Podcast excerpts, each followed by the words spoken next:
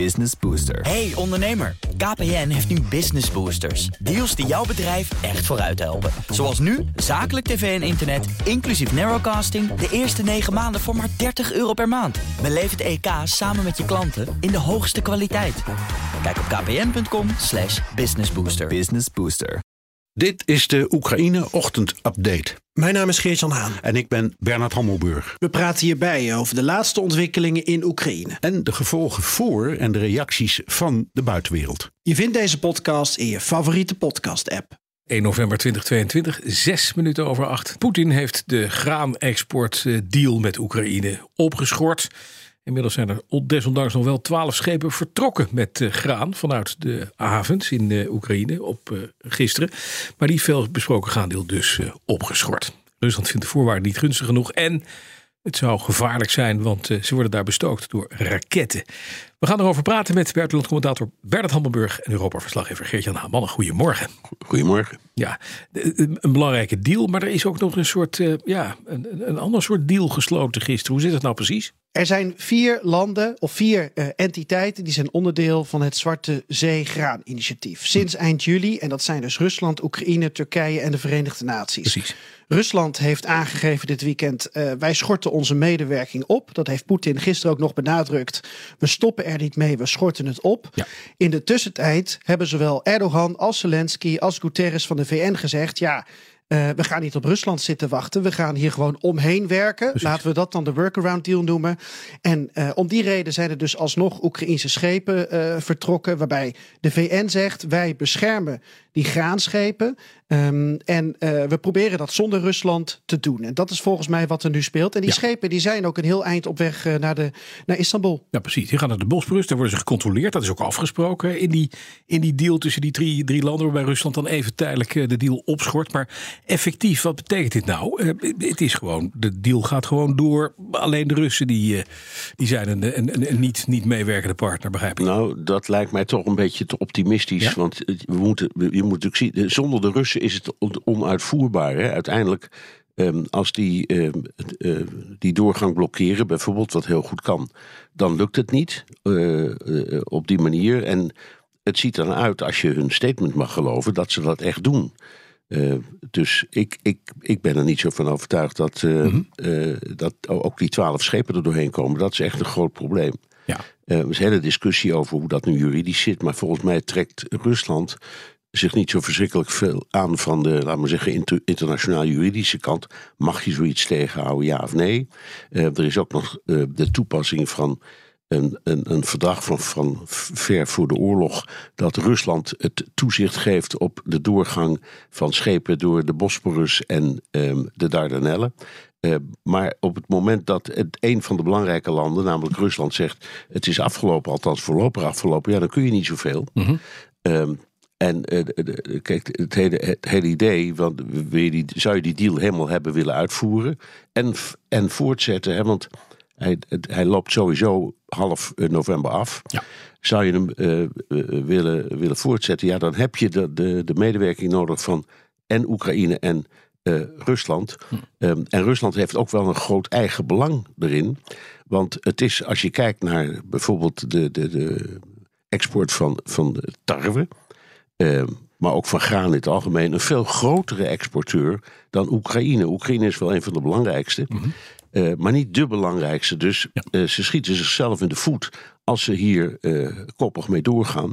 Maar goed, dat is nu helemaal het kenmerk van een oorlog waar heel veel beslu- besluiten worden genomen in woede, verontwaardiging, wraakgevoelens, gaan ze maar door. Dus de, raad, de ratio verdwijnt volledig. Ja. En dat is volgens mij hier het geval. Oké, nu, het- nu het, punt is, wat gaat dit voor effect hebben op de, op de graanprijs? Want er zijn ook al stemmen die opgaan in de wereld die zeggen... ja, weet je, eh, Poetin voert hier gewoon een hongeroorlog.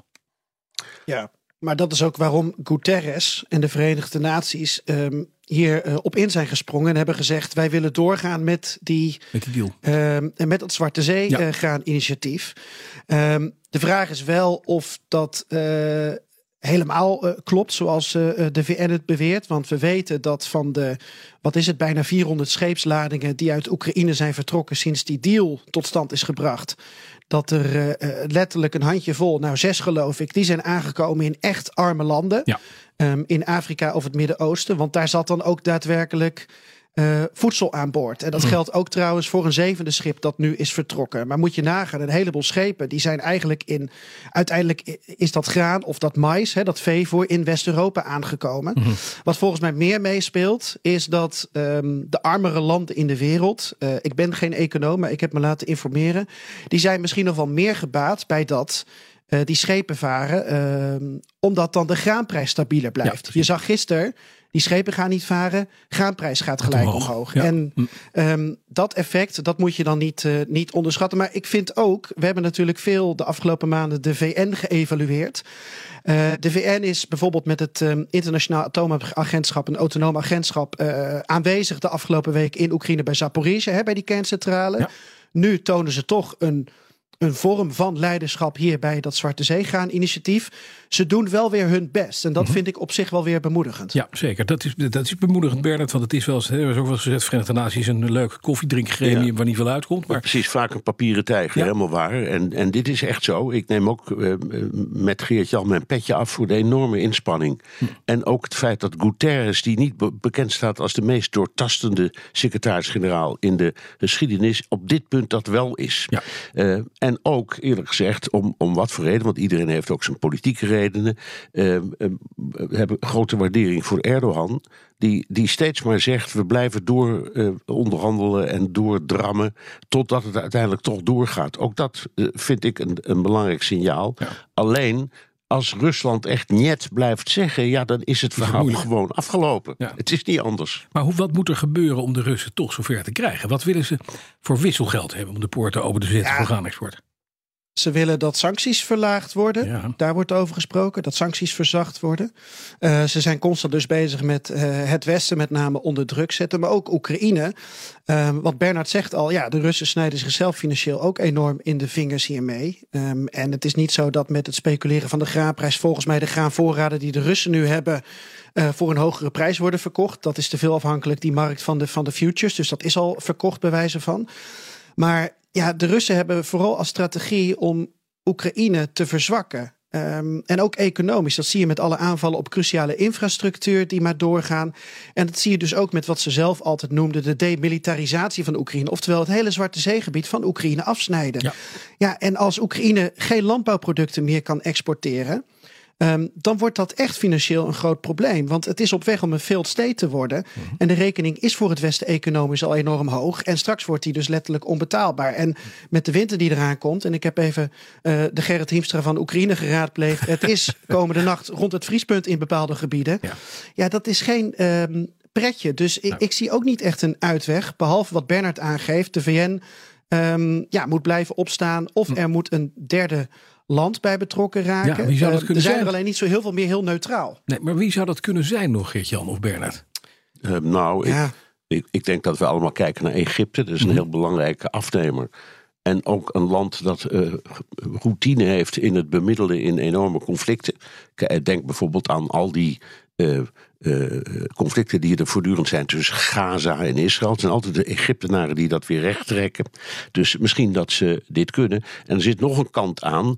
De, de, de aanleiding, niet oorzaak, maar de aanleiding voor de Russen om, zich, om, om, om eh, het verdrag op te schorten, is eh, de, de aanval die is gewe- geweest op, wat zij zeggen, een Oekraïense aanval op schepen van de Russen. De, de Oekraïne ontkent dat ten stelligste. Ik denk eerlijk gezegd dat de Russen in dit opzicht gelijk hebben. Dus ook dat zal nog moeten worden uitgezocht. En dat kan, ja, ik, ik kan me voorstellen, dan zeggen: je kan ons wat. We hebben die vaarroute afgesproken. Jullie misbruiken die route om eh, een aanval op ons te doen. Dus hier stoppen we mee. Dat, daar, daar moet ook duidelijkheid over komen. Ja, ja. Ja, ja. Mag ik nog één ding aanvullen, Bas? Ja. Kort. Ehm, eh, gisteren is er ook een aanval eh, geweest op eh Oekraïnse schepen. Ehm, maar dat waren schepen die niet onderdeel waren van de bescherming van de VN. Mhm. Maar dat waren schepen, dat waren van die havensleepboten. Die zijn onderdeel van de aanvoerlijn van het graan. Nu heeft de VN een soort van aangegeven ook bescherming in de toekomst daarvan te willen. Mhm. Hoe ze dat gaan realiseren, weet ik niet. Maar je gaat de komende dagen, denk ik, als Rusland de druk opvoert, meer aanvallen zien op eh, havensleepbootdiensten, spoorterminals, silo's. En dan zie je dus echt dat Rusland erop uit is om het onmogelijk te maken voor Oekraïne om dat graan te exporteren. Dat is de verwachting. Hardlopen, dat is goed voor je. En Nationale Nederlanden helpt je daar graag bij. Bijvoorbeeld met onze digitale NN Running Coach die antwoord geeft op al je hardloopvragen. Dus kom ook in beweging. Onze support heb je. Kijk op nn.nl/slash hardlopen.